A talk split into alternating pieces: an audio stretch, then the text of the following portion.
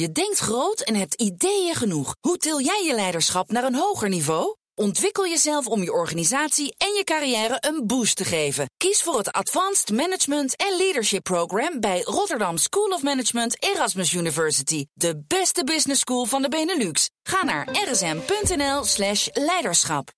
Welkom in de CryptoCast met vandaag gedecentraliseerd sociaal platform Friend.tech. Bestaat nog maar twee weken en verwerkte alleen zondag al bijna anderhalf miljoen dollar aan commissie. Maar hoe zit het dan met het verdienmodel, met het trollen en met de privacy? Dit is CryptoCast 286 met nu een half uur crypto nieuws op de radio. Met Marieke de Ruiter de Wild, hartelijk welkom. Ja, dankjewel. Van Open Food Network. Open Food Chain. Open Food Chain, neem niet kwalijk. Je bent En eerder we bij zijn ons een geweest. netwerk. Nou ja, voor de hand liggende vergissing. Excuus. En ehm, Jacob Boersma, oprichter van Warren Brandeis, Yes. als co-host. Wij geven geen beleggingsadvies, vorm je eigen mening, maak je eigen keuzes. Geef ons niet de schuld. Crypto kan lucratief zijn, maar is ook riskant. Ja, Friend.tech. Het is een nieuw gedecentraliseerd sociaal netwerk. Bestaat nog maar twee weken en genereert nu al meer dan een miljoen euro per dag aan commissie. En is wat dat betreft alweer groter dan de decentrale cryptobeurs Uniswap, die al veel langer bestaat en belangrijk is. Ehm, Jacob, kun jij uitleggen wat Friend.tech is en hoe het werkt? Eh, ja, nou, hoe het, hoe het precies werkt, eh, dat, eh, ehm, Is een raadsel. er zijn allerlei discussies over, dus daar komen we zo nog wel op. Ehm, het idee ervan is... De, de- eigenlijk helemaal niet. Waar ze de, mm, eigenlijk proberen mensen mee ehm, eh, te verleiden om het te gaan gebruiken, is dat je eigenlijk je, je aandelen koopt in je vrienden. Dus het, het, het- ze noemen het ook, de tagline is... eh, een marketplace for your friends. Ehm, en eh, je koppelt het aan je sociale netwerken, zoals eh, Twitter of tegenwoordig X. Ehm, en je ehm, kunt dan aandelen in jezelf verkopen. En dat is natuurlijk vooral interessant voor mensen die influencers zijn op dat soort platformen. En de mensen. motto, de beste vrienden die voor geld te koop zijn. Ja, precies. En de mensen die dan zo'n aandeel kopen, die ehm, eh, te- ten eerste zit, zit er een, ehm, een soort functie in dat je dan eh, een private chat ook kunt eh, hebben met degene van wie jij een stukje bezit. Ehm, wat interessant kan zijn als jij dus natuurlijk met, eh, met jouw grote eh, idolen eh, zou willen kunnen chatten via de app.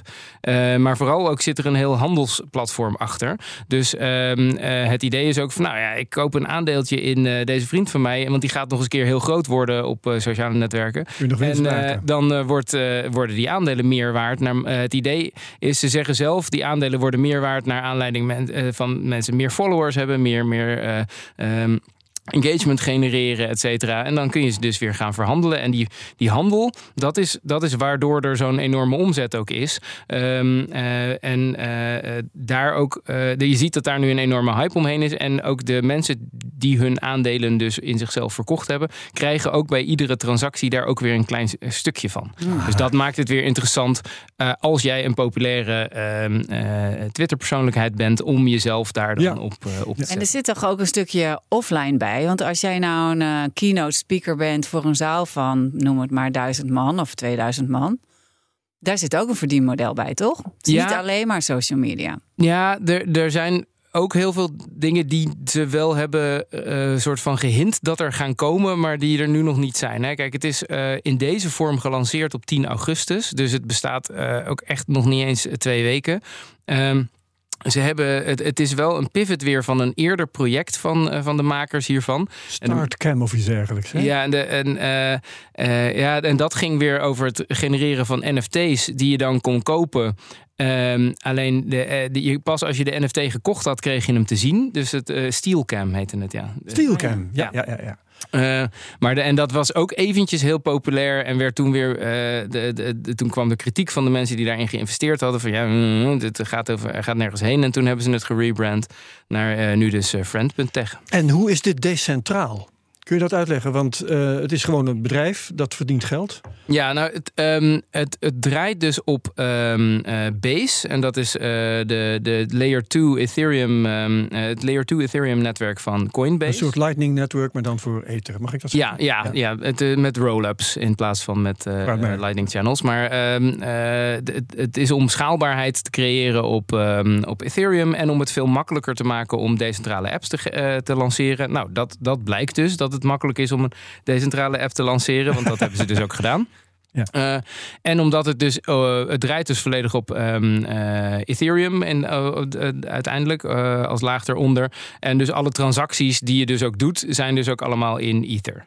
maar, maar het is wel een stukje minder decentraal dan, dan het zou kunnen zijn natuurlijk. Ja, Want ja, het wordt gewoon uitgegeven door een bedrijf. Precies. En sterker nog, ook de, de, die Ether-transacties na je initiële funding blijven ook wel allemaal in die app zitten. Ehm, en dat, dat wordt gepresenteerd ook als een voordeel. Want ehm, ehm, je hoeft niet iedere keer als je eh, een aandeel van iemand wil kopen, weer een, een nieuwe transactie te signen met, eh, met Metamask. Dus, dus de gebruiksvriendelijkheid komt er ten goede dat het allemaal natuurlijk in die app geregeld wordt. Metamask is een wallet. Ja, Metamask is de meest, Ja. meest gebruikelijk, gebruikte wallet Ja, eigenlijk ja, ja. voor het Ethereum-ecosysteem. Maar ehm, is dit ook decentraal in de zin van niet modereerbaar? Want dat, er is een Ehm. ander decentraal sociaal netwerk, Noster, waar we het hier wel eens een keer over hebben Mhm. gehad. En dat eh, zou dus aantrekkelijk zijn, vinden sommige mensen, omdat daar eh, geen censuurvat op zou hebben. Is Ja, dat het is echt ultiem ehm, eh, oncensureerbaar. Op dezelfde manier als, als, als de Bitcoin en, en, en tot op zekere hoogte de Ethereum-blockchain. Dat Ook zijn. vaak tegen de praktijk, maar Ja, dat laten we hier, even- hier even lopen. ehm, eh, hier, het is een beetje de vraag. eh, de, de, ik, de, ik, ik weet niet of er al eh, gevallen zijn geweest waarbij eh, ehm, mensen zich wilden, eh, zich wilden beroepen op, eh, op eh, het censureren van, van delen hiervan. Ehm, maar het, het lijkt mij dat het aanzienlijk meer censureerbaar is dan, dan echt volledig Ja. decentrale netwerken. Niet in de laatste plaats, omdat je dus het moet koppelen aan je social media netwerken. Dus het, het, het is op zichzelf geen eh, social media netwerk. Het, het, het, het is een soort monetization laag bovenop social media. Ja. En in, in eerste instantie vooral dus op X. En ja, eh, X, eh, wat je er ook van kunt zeggen over hoe zwaar dat ge- gemodereerd wordt. Maar dat wordt ja. nog steeds wel gemodereerd. Ja, ja, ja. En je bypass natuurlijk gewoon de, de Apple Stores en de Google Play Stores. Eh, ja. Dat is een En- feit. En dat Want is, ik heb het en- geïnstalleerd tussen aanhalingstekens, maar je krijgt gewoon een snelkoppeling Ja. eh, op je scherm. En je naar moet een, één iemand weten die erop zit, die jou toelaat. ja, je, Ja. je hebt een invite nodig. Ja. Ja. Ja. En ik moet een stukje van jou betalen als jij mij invite. En in het verleden zijn er wel apps geweest die, eh, die daar behoorlijk ehm, eh, ehm, eh, moeilijkheden mee hebben gekregen met, met Apple en, en Google. Met name Apple vindt het heel vervelend als er apps zijn die in, in-app purchases en effectief zijn. Dit natuurlijk allemaal in-app purchases die niet via hen gaan, want dan krijgen zij hun stukje niet. Ja, maar dat is natuurlijk vast. Ik vind dat dus echt een grote doorbraak. Want dus nu in één keer kunnen we gewoon apps gaan maken. Wat dus niet de apps zijn zoals we kennen. En het dus gewoon zonder Apple's toezicht of zonder Google's toezicht doen. Ja, maar dat is dus de vraag hoe lang Apple Ja. dit gaat eh, oké gaat vinden. Ja. En, en eh, ik, ik, ik zou het, Het ook niet verkeerd vinden. vinden. Toch? Ja, nou Over ja, goed, modereren eh, dus daar gaan we nog wel, daar gaan we denk ik dan wel vrij snel achter komen. Ja. Waar ik wel benieuwd eh, naar ben, want het, het eh, gaat dus voor een deel over eh, aandelen in elkaar kopen. Mhm. Komen we nog over dat fenomeen aandelen komen we nog te spreken. Ehm, maar er wordt dus betaald om toegang te hebben tot bepaalde personen. Ja. Ja. Daar is veel over te doen, wat het opbrengt en, en, enzovoort. Maar ik hoor helemaal niks over feitelijke conversaties die plaatsvinden. Ehm, Ik bedoel, eh, Nee. er wordt veel verkocht, maar wordt het ook gebruikt? Eh, We zitten nog een beetje spreken in de mensen hype, elkaar ook aan? Ja, nou ja, daar probeer ik dus doorheen, van... te prikken. ja. Ja, Ja, dus, dus eh, ehm, kijk, eh, eh, wil dit echt iets blijvends worden, dan, dan zullen ze ook wel meer functionaliteit moeten gaan creëren. Want alleen maar zo'n zo'n private chatroom, die ook nog eens, als je dan de berichten leest, heel vaak niet werkt, dan ja, dat, dat, dat is natuurlijk maar heel beperkt nuttige functionaliteit. plus, stel dat je heel erg populair bent en honderdduizend mensen kopen toegang tot jou, ja, dan, wordt toch een beetje moeilijk converseren hoor. Precies, hoeveel toegang, hoeveel, hoeveel aandacht kun je die mensen dan nog geven? inderdaad. Ja. Dus. Ehm, dus dan moet je het misschien naar. Eh, nou, maar iemand die dan de meeste aandelen heeft, krijgt dan de eerste prioriteit bij het vragen stellen. Ik weet niet. Dat, eh, daar zou je nog iets op kunnen verzinnen. Toch is het dan toch interessant dat daar aan de ene kant is er echt een tech-innovatie. Mhm. En het krijgt een onwijze mass adoption. Ja. Dat is Maar- bijzonder. Ja, maar de, de, de, de, de criticasters zeggen dan wel van ja, voor een deel is die mass adoption misschien gebaseerd op het feit dat iedereen, eh, dat, er, dat het nu een beetje komkommertijd is, dat er niks echt anders is wat mensen hun aandacht eh, eh, trekt. En dan krijg je ook natuurlijk een soort van in een vacuüm, als, als er in één keer aandacht voor is, dan, dan, dan komen er steeds meer mensen die er naartoe Ja, gaan. maar dan denk ik, is alleen maar mooi. Want hier hebben we dus wel een nieuwe techniek die wij bijvoorbeeld heel goed kunnen gaan gebruiken. Die we dus voorheen voorheen niet konden gaan gebruiken. Nou, de, de, de, uh, de interessante Met wij kant bedoel je ervan. Open Food Chain. Ja, Ja. wij Open Food Chain. Ja, Ja, daar ga ik, straks. precies. Sorry, En ja, wij reageer maar volledig eventjes. gedecentraliseerde netwerken. Nou, en dat, en dat is 100% dus wel het interessante eraan. Als, je dus, als dit dus echt wel doorzet, dan, dan, eh, dan kan het wel degelijk de basis vormen voor natuurlijk allerlei andere toepassingen. Los van of je vindt dat deze toepassing nou echt interessant is. Ik onderbreek jullie even omdat we het op dit moment in de uitzending moeten gaan hebben over de prijzen. Het is tijd voor Bert Slachter, analist bij kennisplatform Bitcoin Alpha. Hi Bert. Hey, goeiedag. Ja, het is komkommertijd. Ehm, dat wil zeggen dat het eh, de afgelopen weken lekker rustig was. Zo in de zomer. Maar ehm, kort voor het weekend barstte de hel toch los. Wat is er toen gebeurd? Ja, we hebben het er al een hele tijd over. Sinds eind juni eigenlijk gaat die koers zijwaarts zo rond de 29.000 dollar.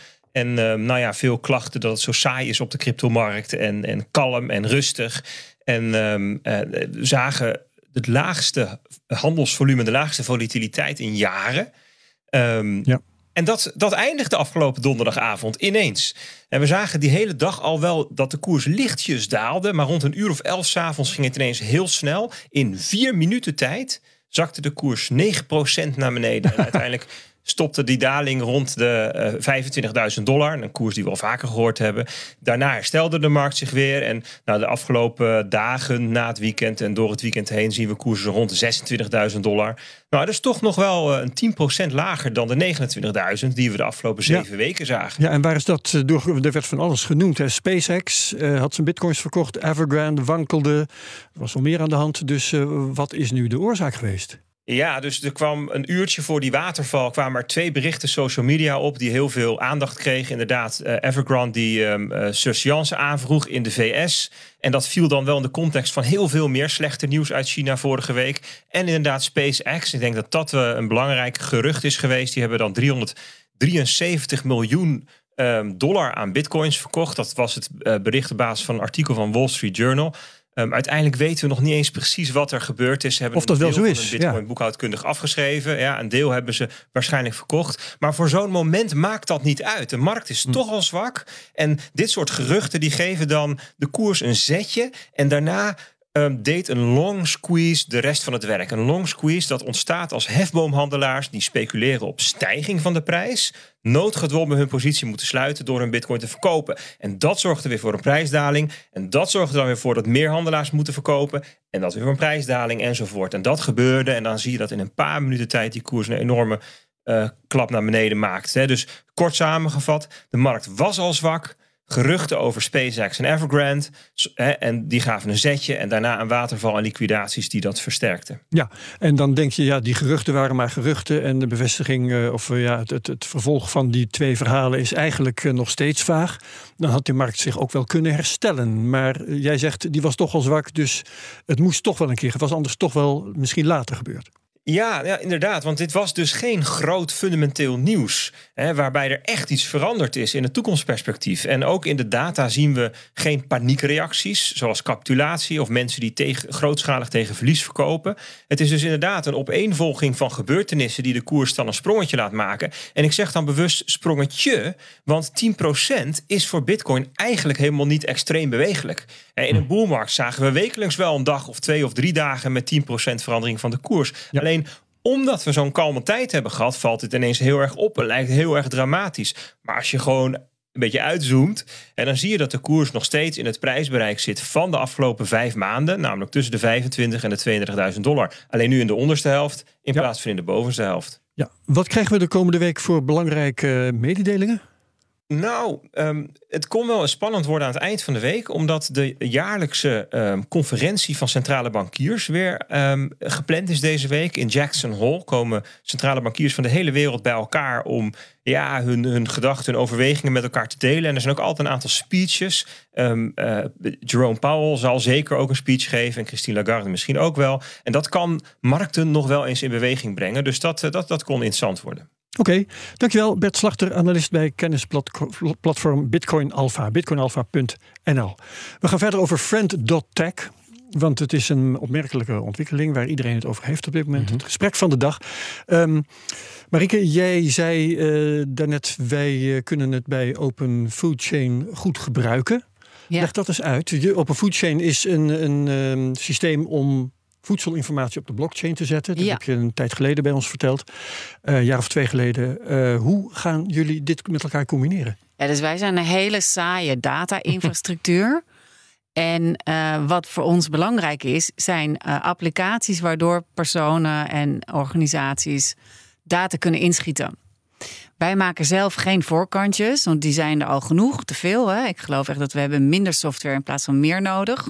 We hebben meer IoT nodig eh, dan software. Internet of Things. Ja, precies. En als je kijkt, die ontzettende eh, dominante positie van de Apple Store, de Google Plays. Is dat goed voor de ontwikkeling van technologie? Wij denken van niet. Hè. Wij geloven echt eh, van A tot Z in decentralisering. Dus als wij apps kunnen gaan ontwikkelen die onafhankelijk zijn en die dus 30% marge niet hoeven af te dragen. Ja, dat is onwijs, eh, dat is echt een game changer. En dan Ja. denken wij bijvoorbeeld aan eh, farm apps.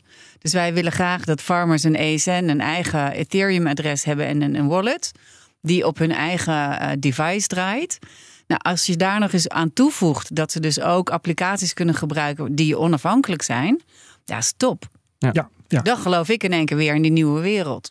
Ja, dan, bent- dan kun je modulair eigenlijk eh, zo'n hele applicatie opbouwen. Ja. Dus eh, je, je, je maakt gewoon verschillende blokjes die je aan elkaar kunt knopen, omdat ze allemaal gebruik maken van diezelfde standaarden eigenlijk. Ja, en als je kijkt in de hele wereld van eh, nou, bijvoorbeeld farm management systemen.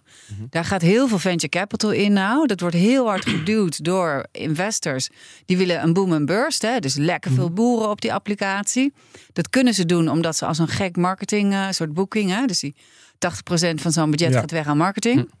Maar uiteindelijk, die data is niet van die boer, die data is van die applicatie. En dat is de burst voor de venture capitalist. Nou, wij willen een andere realiteit. Wij willen dat een boer zelf kan verdienen aan data. En daar hebben wij dit soort technologieën voor nodig. Daar eh, gaan we in de podcast straks verder over praten. We gaan ze zelfs aan het eind van deze uitzending nog even praten over hoe we dat eh, gaan doen in de podcast.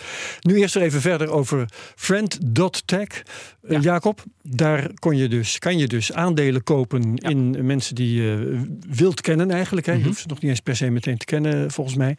Ehm, de naam daarvan hebben ze alweer veranderd. Het waren Ja. dus eerst shares, nu zijn het keys. Ja, en ze hebben het, in allerijl hebben ze de naam veranderd van shares naar keys. daar Ehm, heeft de SEC wel iets mee te maken. Dat is, het vermoeden is dat ze eh, eigenlijk het voor willen zijn eh, dat ze meteen in het hoekje komen van oh je verkoopt een fin- ongereguleerd financieel product. We hebben natuurlijk in de afgelopen maanden heel veel eh, rechtszaken en, en acties gezien van de SEC tegen crypto exchanges die ehm, eh, ongereguleerde ehm, eh, eh, securities zouden verkopen en, en heel veel van de, van de cryptocurrencies die, die momenteel in zwang zijn worden, worden gezien als eh, Ja. ongereguleerde securities. Dus ja, je kunt maar beter als je als iets wat je hebt gelanceerd in één keer populair wordt, kun je maar beter zorgen dat je niet ook direct wordt, eh, wordt eh, aangevallen door de. En in dit geval regelgeving. is het volgens mij ook wel juist wat ze hebben gedaan, die verandering van naam. Want ik herinner me dat gisteren, toen dit nog niet eens Mhm. bekend was, toen dacht ik, ja, het zijn eigenlijk helemaal geen aandelen. Want het is geen eigendom in zo'n Nee. persoon of zo. Nee. Maar het, het is, Nee, het is meer een het is een- ticket. Ja, het, de- de- de- Toegang. Het hangt een beetje vanaf hoe je het ziet. Maar de, er werd ook wel natuurlijk in de marketing gezegd van ja, en dan ehm, eh, neem een aandeel in je vrienden. Want en dan wordt dat wordt dan meer waard als je, eh, als je goed kunt, eh, als je terecht hebt voorspeld dat zij populairder gaan worden. Dus daarmee suggereert het toch ook wel weer van ja, het, gedraagt zich dan wel weer als een, als een aandeel waar een koersstijging aan zit. Ja. En met bepaalde soort van dividenden die het uitbetaalt. Als, als het aandelen zijn, een soort omgekeerd dan. Als jij een aandeel uitgeeft, gaat het dividend naar jou als, eh, als uitgever. Dat is normaal gesproken andersom. Maar, maar wat maar denk je? Ja, het is zeg maar. ja, dus het, maar je, het, het, eigenlijk is het ehm eh, interessante eraan dat het, wat voor naam je eraan geeft, is namelijk niet relevant voor onder welke regelgeving je valt. Het gaat om de eigenschappen ervan. Zeker. Dus, dus, Ja. eh, maar eh, ja, als ze kennelijk eh, op deze manier aan de aandacht willen ontsnappen, dan weet ik niet of ze, of ze op tijd zijn geweest daarmee. Want in, inmiddels is juist het nieuws dat ze de naam veranderen, is alweer het nieuws. Is alweer nieuws. Dus dat zal de SEC ook niet ontgaan zijn. Ehm, Maar er zijn wel meer dingen die, kijk, eh, los van, van dat zoiets als dit heel veel potentie heeft, zie je wel dat het, dat het best nog wel heel erg in de kinderschoenen staat. Dus eh, een van de andere nieuwtjes die er net eh, eh, zijn, naar buiten zijn gekomen gisteren, is dat er ehm, iemand heeft gewoon alle ehm, eh, Twitter-usernames en eh, ehm, eh, base Ethereum-adressen weten te scrapen door gewoon die, eh, de, de API af te luisteren. Ja, dus met andere woorden, de Twitter-adressen Ja. van, van gebruikers van eh Friend.tech gekoppeld aan hun wallets. Ja, precies. En het, ehm, eh, omdat tot nu toe dus eh, X of Twitter het enige sociale netwerk is wat ze nog gekoppeld hebben, is dat dus alle gebruikers effectief heb je daarmee dus in kaart gebracht. En ehm, de, de makers van de app hebben dat meteen een beetje proberen te, te, te bagatelliseren van ja, maar ja, dat is alsof je gewoon naar iemands publieke website gaat en, en de informatie daarvan leest en zegt, oh, ik heb ze gehackt. Ja, maar, Maar dat dat- is niet zo, want niet niet, iedereen vindt prettig als eh, zijn eh, eh, Ethereum-adres in dit geval bekend is als Precies, te dus- horen bij deze Ja, persoon. dus het is, het is wel degelijk zo dat als, als jouw hele klantenbestand in één keer Ja. te koop ligt, dan, dan heb je iets niet heel goed gedaan. je kunt dan gewoon alle transacties van iemand zien over de hele historie. Ja, omdat het, omdat het natuurlijk een, een, een, een, een transparant transactiesysteem is, wil je juist voorkomen dat, dat die adressen direct gekoppeld kunnen Ja. worden aan identiteiten.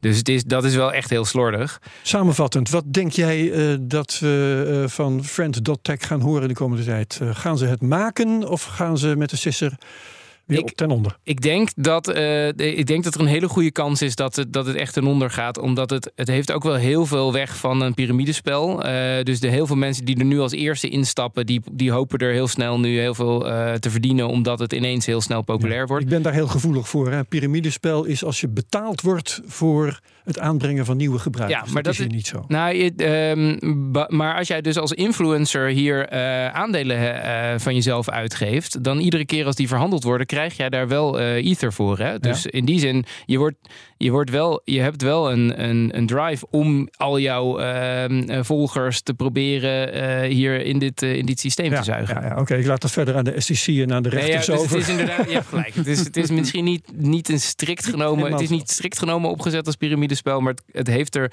het kan er wel wat van weg hebben, tenzij er daadwerkelijk echt ook meer toegevoegde waarde komt. Ja, en ik maak me meer zorgen over die toegevoegde waarde. Omdat, we, zoals ik net al zei, de, als je ontzettend veel van die eh, aandelenkopers hebt, Ja. dan eh, misschien neemt de financiële waarde van die aandelen toe, maar de gebruikswaarde niet. Want je kunt niet met z'n honderdduizenden privéchats voeren. Nou, dat, precies. En de schaalbaarheid ervan. En je ziet nu al dat de technische schaalbaarheid ervan ook zelfs voor dat handelsplatform al eh, ervoor zorgt dat dus die base ehm, eh, layer al heel erg piept en kraakt in zijn voegen. Omdat Dat iedereen de, het in één keer allemaal probeert van te gebruiken. Coinbase die ze gebruiken. Ja, dus en dat, dat hebben we natuurlijk ook eerder gezien. Eh, een aantal jaar geleden had je eh, CryptoKitties. Een van de eerste eigenlijk eh, NFT-projecten die in één keer ook super populair werden. En die ook bijna de hele Ethereum-blockchain lieten omvallen. Omdat, omdat het gewoon niet schaalde met zoveel mensen tegelijkertijd die transacties deden. Dus als het ze lukt om die schaalbaarheid te krijgen en om extra diensten toe te voegen. En eh, om dat soort eh, veiligheidslekken te dichten. Ja, dan wie weet. Maar eh, eh, anders gaat dan eh, moeten we misschien zeggen... nou, we, we kunnen hier heel veel van leren... en heel veel eh, hier uithalen om, om betere applicaties te bouwen. Ja. Maar dan zijn we over een aantal maanden... eh, gaat, gaat dit denk ik niet... Maar ik nog heel kort ter Ja, want ik denk dat dit dus juist leidt tot schaalvergroting en adoptie. Dus Mhm. ik denk dat je hebt dit soort dingen, de kitties, de apen, de dingen die eigenlijk niet zo heel erg nuttig zijn, maar die wel een hype tikken. Ja.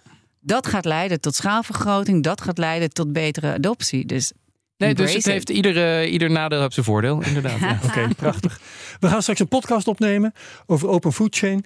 Ehm, jullie waren hier een tijdje geleden. Jij was hier een paar eh, eh, jaar geleden al, Marieke, om dat Ja. uit te leggen. Maar leg dus nog even voor de luisteraars die dat hebben gemist in het kort uit wat Open Food Chain is en wat het doet. Open Food Chain is een, eh, wat ik zei, saaie infrastructuur die hele coole dingen doet. Het maakt namelijk dat jij weet wat je eet en dat je voedsel veel efficiënter wordt. Dus er zit B2B tussen bedrijven heel veel inefficiëntie. En eh, dit type van data-infrastructuur, wat open en publiek is, die gaat die inefficiëntie eh, wegnemen. Ja. Eh, kun je als consument dit al ergens ervaren? Ja, je kan het. eh, we, we hebben wel wat, voorkantjes. Je kan het dus nog niet kopen. Je hebt wel een eh, Jungle Gold Bali chocoladebar die je in Bali kan kopen. Dus ik zou zeggen, wil je het Allemaal proberen? even naar Bali. naar Bali. Maar niet in de Nederlandse supermarkt. Nee, Want vorige ik- keer heb je ja. ons verteld over sap. Ja, die is er nog steeds. Eh, en dat wordt dus nu waarschijnlijk ergens gelanceerd in Spanje. Niet in Nederland. En dat is ook wel weer interessant. Waarom niet in Nederland? Ja. Dat is een cliffhanger. Mhm. Ja, dat is een prachtige cliffhanger. Jacob, zie jij hier wat in? Eh, nou, ik zie heel veel in, ehm, in dit soort toepassingen eh, rondom supply chain en dan zeker in de agri-food. Eh, maar ik ben inderdaad wel heel benieuwd wat voor ehm, barrières jullie nou in de praktijk tegenaan lopen. Want Ja. het is heel makkelijk om de theorie te, ervan te, te beschrijven, maar ja, in de praktijk is het toch altijd weer barstig. En dat vind ik een hele mooie cliffhanger om dan echt mee te stoppen. Tot zover deze Cryptocast. Mijn dank aan twee studiogasten Marieke de Ruiter de Wild van Open Food Chain en co-host Jacob Boersma van Warren Brandeis. Wie meegaat naar de podcast waar we het zo net over hadden, heel graag. Zo niet, dan is het ook prima, want dan kun je volgende week gewoon weer luisteren naar de Cryptocast op BNR. Bedankt en dag. Je denkt groot en hebt ideeën genoeg. Hoe til jij je leiderschap naar een hoger niveau? Ontwikkel jezelf om je organisatie en je carrière een boost te geven. Kies voor het Advanced Management en Leadership Program bij Rotterdam School of Management Erasmus University. De beste business school van de Benelux. Ga naar rsm.nl slash leiderschap.